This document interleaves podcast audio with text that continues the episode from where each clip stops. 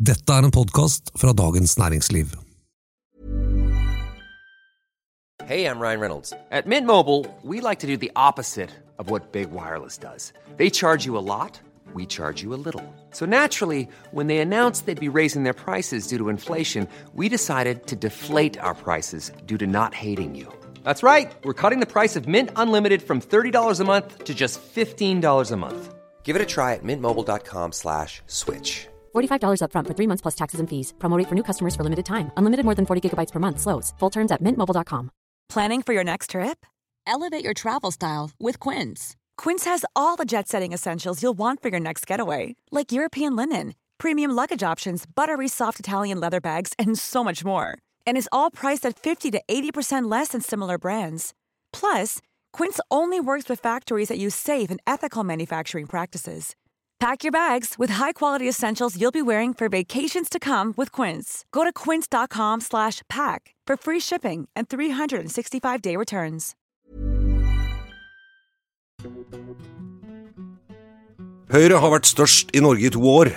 Partiet har lang tradisjon som styringsparti, men er det nå også blitt et folkeparti?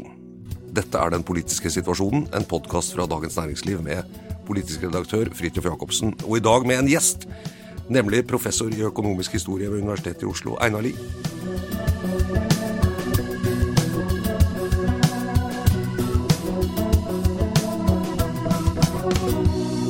Jeg skulle til å si velkommen, men det blir kanskje litt rart ettersom det er på ditt kontor vi sitter. Ja, men Vi kan si velkommen til hverandre, vi. Velkommen, velkommen.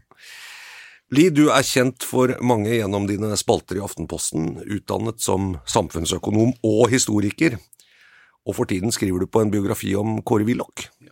Når kan vi lese den? Ja, det er jo det spørsmålet ingen som skriver på en bok egentlig vil ha, men jeg, jeg håper at eh, den lander sånn cirka i 25. Jeg har brukt litt tid på å samle materiale og begynner å skrive det nå, sånn at det, det burde være et lønnelig håp om det. I god tid til valget, eller rundt der et sted? Ja, trenger kanskje et par ekstra måneder, men i løpet av høsten er tanken, og så får vi se, da. Ok. Tema for denne utgaven av den politiske situasjonen er altså om Høyre har blitt et folkeparti. Men la oss begynne med styringspartiet Høyre. Hvilken tradisjon vil du plassere det i, Einar Lie?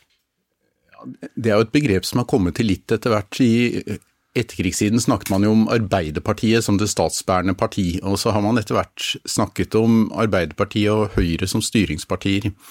Og det er nok litt fordi begge partiene har tatt opp i seg ganske ulike interesser, det er det ene. Det er ikke en så distinkt base som man liker å tro. Man tenkte at det ene støtte seg på arbeidere og det andre et eller annet sånt diffust borgerskap, men det er jo bredere enn det. Og har hatt litt uh, interne konstellasjoner.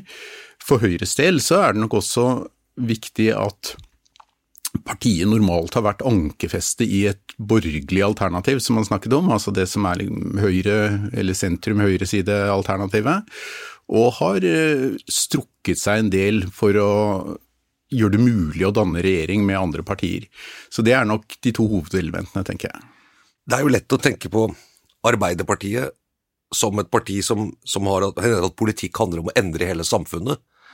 Mens Høyre beskjeftiger seg litt mer med forholdet mellom samfunnet og staten. Gir det mening? Eh, ja, både og. Eh, du kan si i store deler av det 19. århundre så har jo det har vært omtalt som sosialdemokratiets århundre, og hvor Høyres agenda har vært litt preget av det, at man forsøker også å balansere stat-samfunn forbindelsen på en litt annen måte. Mindre regulering. Den aksen som går på skatt og statlig inngrep, det, den har man forsøkt å flytte liksom mot høyre, for å bruke statsviternes begreper. Så det ligger mye i det, men så er det jo også noen konservative verdier som nok var tydeligere tidligere. Sånn i Hambro og til Langslett-siden, som, som, er noe annet enn stat-samfunn-relasjonene, men i alminnelig debatt og diskusjon om alternativene, så er nok det ganske fremtredende. Mm. Kan man snakke om noen sånn ubrutte ideologiske linjer i Høyre fra 1945, da, ved, ved, ved krigens slutt og fram til i dag? Det, det er litt vanskelig, faktisk, fordi eh, partiet har eh, endret seg en del med sammensetningen av partiet og ledelsen. Og litt med det, hva skal du si, med omlandet og det som er det ideologiske terrenget. Eh, det som er nesten en naturlov i dette, er at Arbeiderpartiet og Høyre på en sånn stat-samfunn-akse eh, plasserer seg i forhold til hverandre. Og i etterkrigstiden så var Høyre ganske bevisst på det, at eh, de oppfattet selv at de lå etter i velferdstenkning, ansvar for arbeidsmarkedet, som var nye anførselstegn, saker i etterkrigstiden og hvor de lå litt etter, og hvor de mente at man må ha en mer pågående velferdspolitikk. Man må ha en tydelig politikk for full sysselsetting. Men den ble definert i forhold til Arbeiderpartiet. Man kunne ikke gå lenger enn Arbeiderpartiet på en del områder, fordi man ville liksom bare dytte Arbeiderpartiet videre til venstre. Men eh, det var jo en eh, kritikk mot måten politikken ble organisert på en tydelig skepsis f.eks. til korporative ordninger, LO og til dels NAFs innflytelse, og at regjeringen blandet seg inn i forhandlinger fordi det eh, bandt Stortinget og gjorde at de folkevalgtes innflytelse ble mindre. Og det griper egentlig tilbake til en linje fra 1884 hvor, hvor eh, man tenker annerledes om de politiske organene, og hvor en person som Kåre Willoch var veldig kritisk til enhver type forhandlinger som svekket Stortingets suverenitet, og som hang litt sammen med hvordan han tenkte om partiorganisasjonen. Han var veldig kritisk til at partiet skulle ikke kunne binde stortingsrepresentanter, for det var de som var folkevalgt. Veldig annerledes enn Arbeiderpartiet, som selvfølgelig tenker at det er liksom partiet som står først. Og Der har det jo vært sagt spissformulert, men det har noe i seg, egentlig, at Arbeiderpartiet er et parti som skaffer seg parlamentarikere, mens Høyre er en gruppe parlamentarikere som etter hvert fikk et parti. Men den linjen med, med en viss skepsis til det korporative og den type forhandlinger som ligger utenfor, det var der lenge, og det er der ikke lenger, vil jeg si. Det er visket litt ut. Og så hadde man ja, til langt ut på 50-60-tallet, så, så, var det en ganske sterk tilknytning til det agrare, til distriktene, selveiende bonden og et Norge på en måte i sånn som man så det for seg i, i romantiske 1800-tallsidealer. Og det er også borte, mer eller mindre. Dette skapte en del fløyer og grupper i Høyre som knivet litt mot hverandre.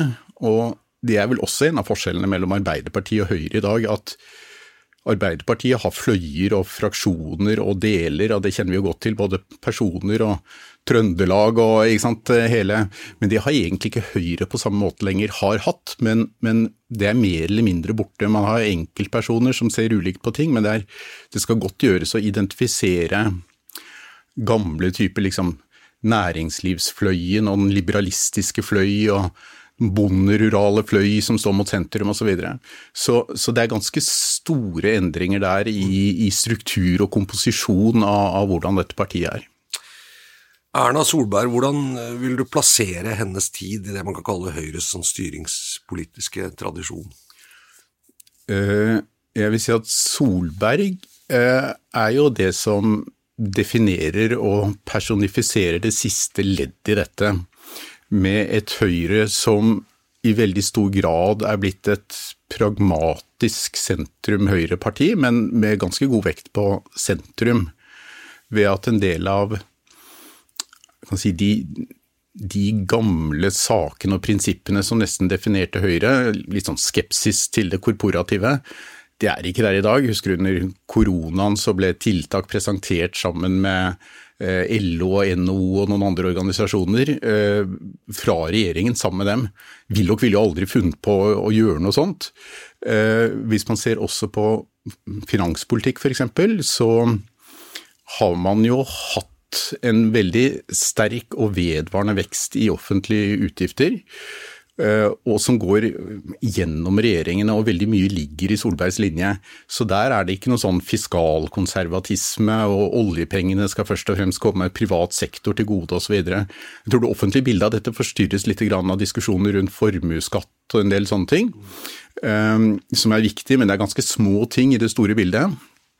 Men linjen med at man i hovedsak har brukt de økte rikdommene på offentlig sektor, det er vedvarende, og det har vært litt kritisert herfra og derfra, men, men det skaper liksom ikke noen fraksjoner og fløyer i Høyre. sånn at jeg vil si at det er, det er liksom en pragmatisk sentrumsvariant, øh, og som ligger mer mot midten enn det Høyre man normalt har sett. Og offentlig sektor ble bare større og større som andel av økonomien, også under Solbergs regjeringstid. Absolutt, absolutt. Det er jo der man ser det. Altså Det ene er offentlig kjøp av varer og tjenester, altså offentlig etterspørsel, og selvfølgelig da størrelsen på offentlig sektor og andel offentlig ansatte har økt uh, jevnt og trutt også under Solberg, uh, uten at det ser ut til å ha gitt de største friksjonene. Nå tror jeg nok man skal ha med seg det at Solbergs regjering uh, besto også av andre partier, og lenge av Fremskrittspartiet, som man tenker på som et parti til høyre for Høyre. Men i disse spørsmålene så ligger jo egentlig ikke Fremskrittspartiet så mye til høyre for Høyre. Det er de er når det kommer til stykket, sånn sektor for sektor, veldig glad i offentlige utgifter på en del områder. Eh, er jo ikke i praksis antivelferd, og det skal lukte asfalt i hele landet og dette. Og det, nok, det bidro nok liksom til å, ironisk nok på disse økonomiske områdene, til å trekke Høyre mot sentrum, egentlig. Fordi at man var med på å støtte opp om en masse gode former. Even when we're on a budget, we still deserve nice things. Quince is a place to scoop up stunning high-end goods for 50 to 80% less than similar brands. They have buttery soft cashmere sweaters starting at $50, luxurious Italian leather bags, and so much more. Plus, Quince only works with factories that use safe, ethical, and responsible manufacturing. Get the high-end goods you'll love without the high price tag with Quince. Go to quince.com/style for free shipping and 365-day returns. I 2013, på valgnatten, så, eh, som, det var altså da Solberg eh, kapret regjeringsmakten for første gang, så var Kåre Willoch hedersgjest i hennes hotellsuite nede på SAS-hotellet på Holbergs plass der. Men er Erna Solbergs Høyre egentlig Willochs Høyre? Det er et litt vrient spørsmål, fordi hva Willochs Høyre er, er litt flytende, fordi Willoch som opposisjonspolitiker før han ble statsminister i 81, eh, var jo en på mange måter ganske blå politiker. Eh, prinsipiell liberalist på en del områder. Eh, lenge ganske konservativ i sosial- og familiepolitikk. Så endret det seg. Regjeringen var jo en koalisjonsregjering, så den, den fikk liksom et, et mer sånn oppmyket karakter, men med de prinsippene jeg var borti hans skepsis mot det eh, korporative og bevaring av de politiske institusjonene, særlig Stortingets rolle osv. Men så, etter at uh, Willoch gikk av som statsminister og ble fylkesmann og pensjonist, så snakket han jo ganske lite om de økonomiske spørsmålene, og det var familiepolitikk og miljø og Midtøsten og en del sånne ting, med synspunkter som hvis de var i ja, lå i hvert fall liksom på den, den myke venstresiden av, av Høyre. Så sånn sett så er jeg ikke sikker på at forskjellen er så stor. Skjønt han hadde jo noen sånne markeringer. Solberg kom jo med det var jo en bok og en tale hvor kalkulatorhøyre skulle legges til side, mennesker, ikke milliarder osv. Og, så og da husker jeg en syrlig replikk fra, fra Willoch til dette, og sa at eh, hvis man skulle lage økonomisk politikk og legge bort kalkulatoren, da må man virkelig være god i hoderegning, som han sa, eller trekke det tilbake. Så han, han holdt jo på det, eh, men han støttet jo opp om prosjektet, og det som i Høyre var et veldig sånn følsomt tema var om man skulle danne regjering med eh, Fremskrittspartiet, om man kunne gjøre det. Willoch var jo aldri noe glad i Fremskrittspartiet. Det gikk jo fra Anders Langes parti og gjennom Hagen-tiden, og var jo på den linjen at man skulle virkelig liksom kjøre en hard linje mot Fremskrittspartiet og Anders Langes parti. Det er jo en diskusjon som har vært vedvarende og som minner litt om Arbeiderpartilinjen, om man liksom skal gå løs på Rødt eller la det ligge stille. Der hadde nok han en hardere linje. sånn at det var ikke opplagt at han ville like det, men det var jo noe han gikk ut og støttet i et intervju og mente at han måtte være åpen for det. Og det ga ja, det var mange i Høyre som syntes at at det var veldig fint og veldig betryggende, og tenkte at nå er døren åpen for å gjøre det. Så jeg tror regjering, Det er litt blandet, eh, men, men, det var hennes regjeringstid er nok ganske annerledes enn liksom den tradisjonelle Høyre under Willoch i regjeringstiden. Og så er det Willoch, når man kommer så langt, så er det litt mindre klart, men med støtte til det som var hovedlinjer. Willoch og Erna Solberg er jo de to eh, kan man si, store høyrepolitikerne i etterkrigstiden, det er vel, er vel lov å si det, eh, selv om Solbergs karriere da ikke er ferdig ennå, eh, så vidt vi vet. Og de har jo stått i spissen for hver sin høyrebølge, mm. altså en ganske betydelig oppslutningsøkning, som jo i hvert fall når man ser på tallene, er ganske godt spredd utover både i alder og kjønn og geografi. Eh, og, men så lurer og da og har et, et, i hvert fall eh, i dag kan man si at Høyre er et slags folkeparti, i hvert fall ut fra statistikken i meningsmålingene kan man si det. Hva, hva er, er, det noe likhetstrekk som du ser mellom de to høyrebølgene på 70-80-tallet og den vi har hatt eh, ja, fra 2011 da, og til nå omtrent? Ja, altså for å begynne med forskjellene som vi så vidt touchet på, så var var nok Willochs Høyre under høyrebølgen som kom på 70-tallet, var nok mer sånn liberalistisk skåret. Og det traff jo tidsånden ganske godt, eh, fordi man hadde en allmenn kritikk mot styring og formynderstaten, som det het i slagord fra høyresiden. Eh, og så glemmer man ofte at det var en venstreside hvor man snakket om sjølrealisering og sånne ting, som også hadde et individualistisk grunnlag, og som elementer i, i Høyres argumentasjon traff ganske godt. Der er det en forskjell. Der det er en likhet, ehm, og det griper jo litt inn til makta og sånt som har surret og gått på TV-skjermene, det er ehm, Halvard Notaker skriver om det i Willochs historie, at Høyre var heldig med sin hovedmotstander. Fordi Arbeiderpartiet var nok ikke så god til liksom å ta til seg de nye strømningene gjennom 70-tallet, og kritikk mot det prosjektet partiet var knyttet til. Og det er nok noe av det samme, vil jeg si, særlig i de siste årene, at Høyre har vært litt heldig med sin hovedmotstander, at Arbeiderpartiet har ikke greid å lage en så tydelig retning. Det kan man også kritisere Høyre for. Hva er retningen? altså hvordan tenker man at samfunnet skal være om 10 og 15 år, hva er den bærende ideologien? Men, men jeg tror både partiet og Solberg har vært rimelig fast. Øh, og har greid å gi et bilde av styringsevne og styringsvilje som treffer mange.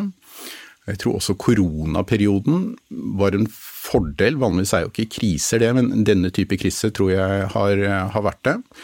Eh, sånn at eh, det er det er klart noen forskjeller i bølgen, for det er ikke så lett å peke på de dypereliggende ideologiske faktorene som har ført eh, Solberg frem.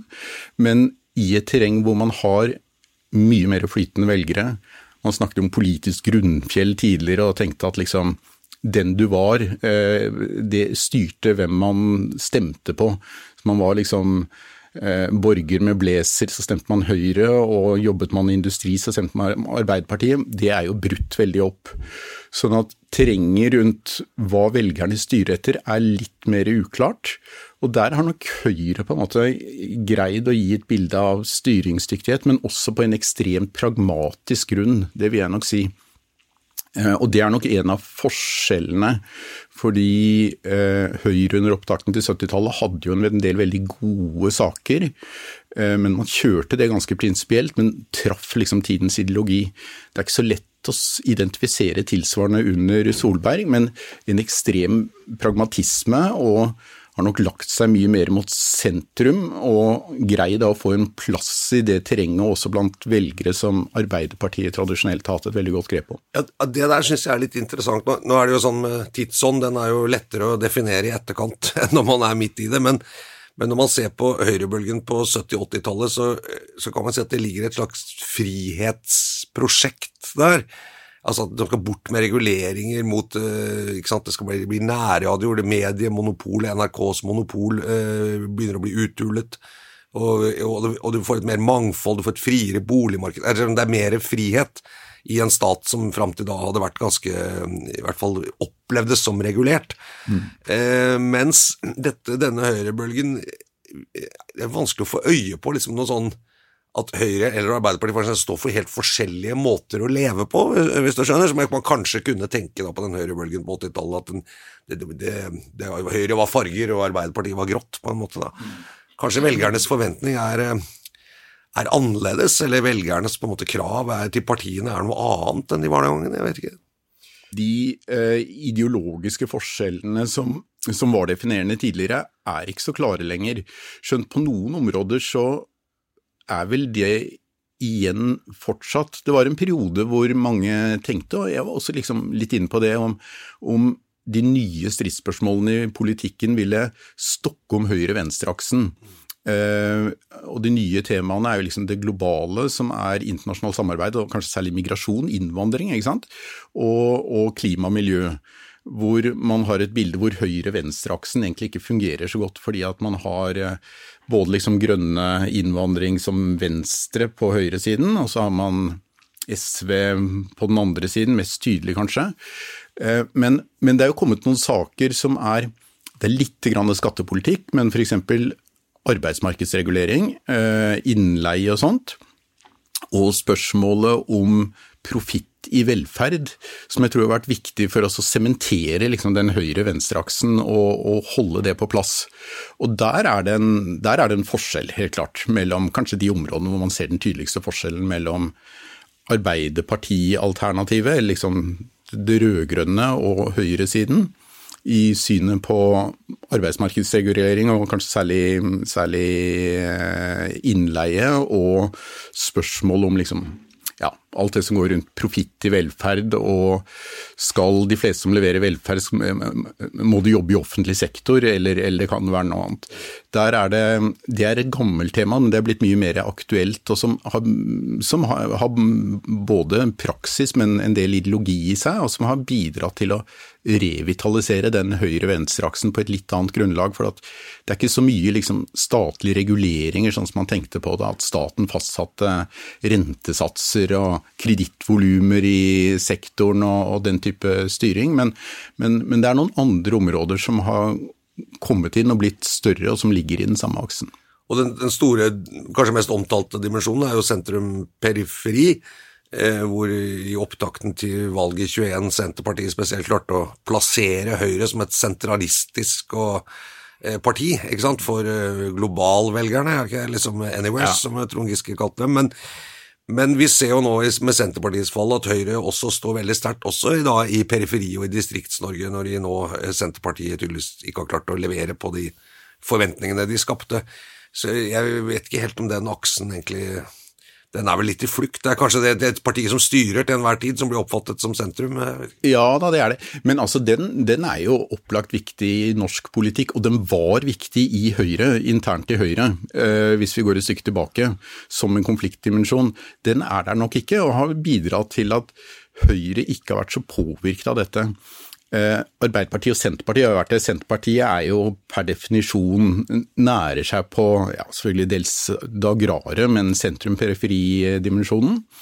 Og kom jo høyt på det i kritikken mot Solberg-regjeringen. Og det er vel ikke noe tvil om at Senterpartiets suksess også påvirket Arbeiderpartiet i veldig stor grad. Hvis man ser på Hurdal-plattformen, så er det jo fryktelig mye mer periferi enn bypolitikk, for å si det sånn. Selv om veldig mange av de utfordringene man ser i dag, er veldig sånn byrelaterte problemer. Så der har dagens regjeringspartier beveget seg mye mer. Litt frem og tilbake, kan man si.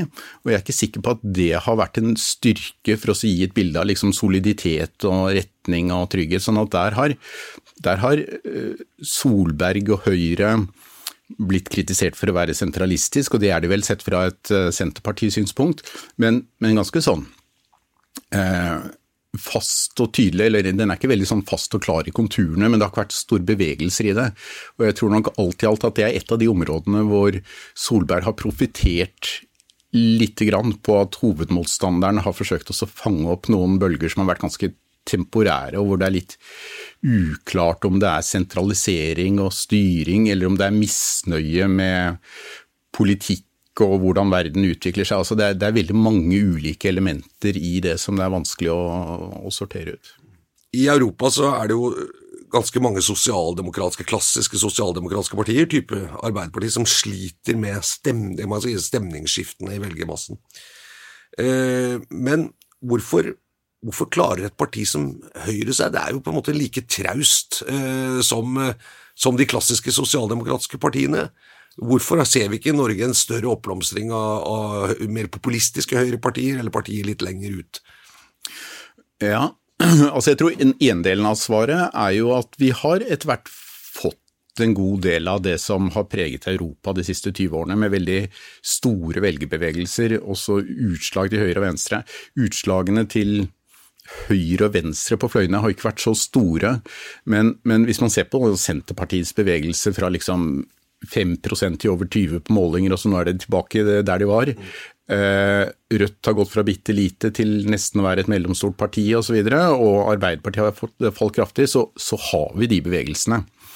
Eh, så er det en forskjell, og eh, jeg tror vi kommer ikke forbi at Norge er et veldig sånn trygt og rikt land, sånn at de krisene man har hatt i Europa, statsfinansielle kriser, eh, høy ledighet, den har jo generelt gått litt ned, men ungdomsledigheten i en del europeiske land har jo vært vedvarende og veldig altså ubehagelig høy hele veien siden finanskrisen.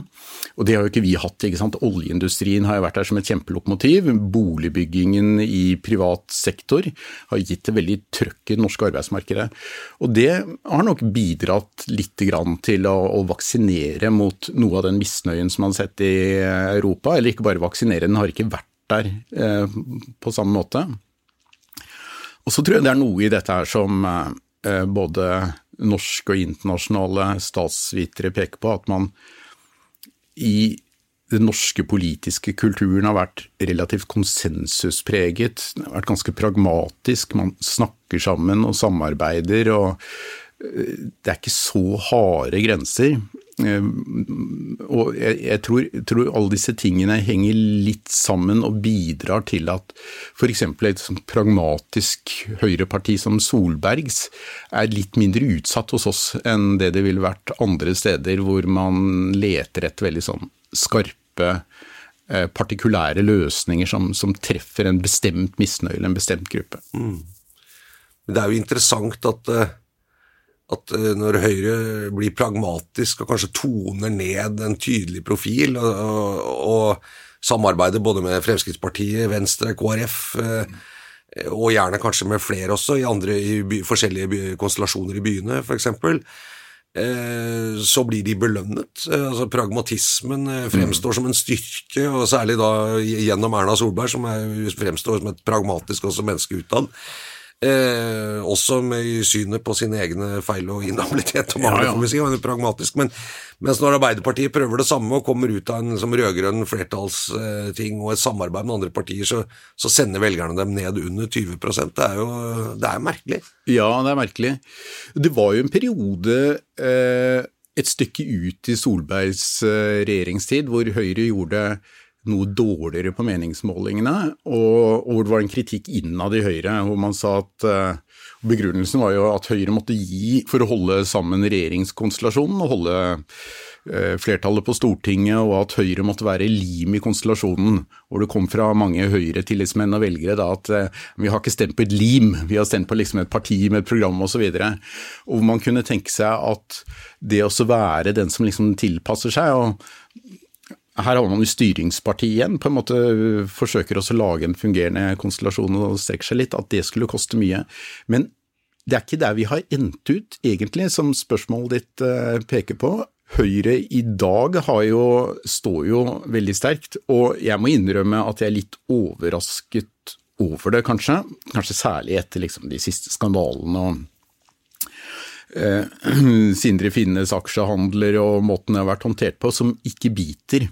Og jeg tror det er noe i hvordan Arbeiderpartiet og Støre fremstår versus Solberg, at hun har på en måte en høyere tillit styringsmessig. Kanskje er det også riktig å si at hun er bedre likt av grunner som jeg ikke føler meg liksom helt kompetent på å, å plassere. Men, men, jeg tror det er en, en, litt sånn diffus faktor rundt styringsdyktighet og trygghet, og en personlig faktor som klart slår ut i hennes, uh, hennes fordel, som det er vanskelig å feste liksom i part, partiideologi eller saker, men som har dannet seg og etablert seg over, over tid. At hun, hun, har på en måte en, en fremtoning og, og at det er noe som bygger tillit til eh, kanskje ikke alltid personen, men til styringsdyktighet og, og, og, tydelighet. Og at hun er kanskje en type som folk kan relatere seg til verdimessig og innholdsmessig, som jeg tror blir viktigere og viktigere i, i politikken. Og, og som, som hun har greid å profitere på over tid. Du, eh, som vi nevnte i begynnelsen av sendingen, du, du holder på med en bok om Kåre Willoch. og eh, Kåre Willoch var jo da med på hele den høyrebølgen som kulminerte med hans eh, regjering og gjenvalg i, i 85, mm -hmm. selv om det ikke varte så lenge. Men etter det kom det jo en vond tid for Høyre, eh, og mange år hvor det gikk dårlig. Eh, når, kan du se noe her som peker, peker framover, som kan si at når Høyre havner der, da begynner det å gå nedover? Altså hvordan hvor, når snudde kurven, og hvorfor gikk det bratt nedover etter eh, Willochs? Ja, altså eh, Det er klart, etter Willochs periode som statsminister, eh, det har både litt med politikken som ble ført å gjøre, og litt med omstendighetene. Man fikk oljeprisfall og krise i norsk økonomi og sånn. Så da hadde man en krisepreget situasjon, og hvor Brundtland kom inn i sin andre regjering og førte en politikk som jeg nok vil si uten så mye reservasjoner lå til høyre for det den høyrepregede regjeringen hadde gjort. Og det ga Høyre et veldig lite rom. Altså det var systematisk deregulering, liberalisering, nedleggelse, salg, oppstykking av de gamle statsbedriftene osv. Eh, det ga ikke Høyre så mye rom. Eh, Brundtland eh, gjorde jo ikke alltid godt i valg, men fremsto som ekstremt styringsdyktig og kompetent. Og så slet jo Høyre eh, litt med liksom ledelse og, og, interne stridigheter. Ikke så mye langs fløyer og sånt, men de manglet liksom den derre tydelige høvdingtypen, og de slet litt. Og kjepphestene bites jo når det er tomt i, i krybben. Og det var en, en, lang periode hvor de hadde problemer med å finne og definere den politiske plassen, tror jeg det er riktig å si men hvor de også hadde et ledelsesproblem som var, som var veldig tydelig. Um, og jeg tror den største forskjellen når det snur i den andre retningen, det er egentlig Solberg. For det er ikke det er ikke et sånt umiddelbart linjeskift, skjønt man har en gradvis bevegelse mot det mer pragmatiske.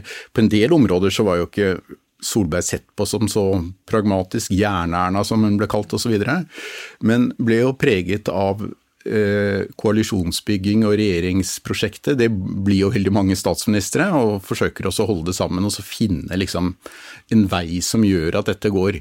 Ga jo masse slakk og rom til forskjellige kanter, der er også deler av det pragmatiske sentrumsbegrepet, men greide å holde det sammen og bygge tillit, og, og hvor hennes posisjon i Høyre ble jo veldig sterk, og det som var litt sånn distinkte fraksjoner som hadde vært der etter Willochs-tiden. Ikke så mye ideologisk, men av at det var liksom en diskusjon om hva dette Høyre skulle være, det, det stilnet. Så det, det, ble jo et veldig fast parti rundt Solberg eh, hele veien. Og det, det er nok den store forskjellen, ikke det at man så en sånn eh, løsning liksom politisk, ideologisk, og fant en retning eller nisje eller noe sånt. Tusen takk, Einar Liv, for at uh, du har vært med i Den politiske situasjonen. En podkast fra Dagens Næringsliv. Uh, jeg heter Fridtjof Jacobsen og er politisk redaktør, uh, og har også vært med her. Og produsent er Gunnar Bløndal. Og vi høres igjen neste uke.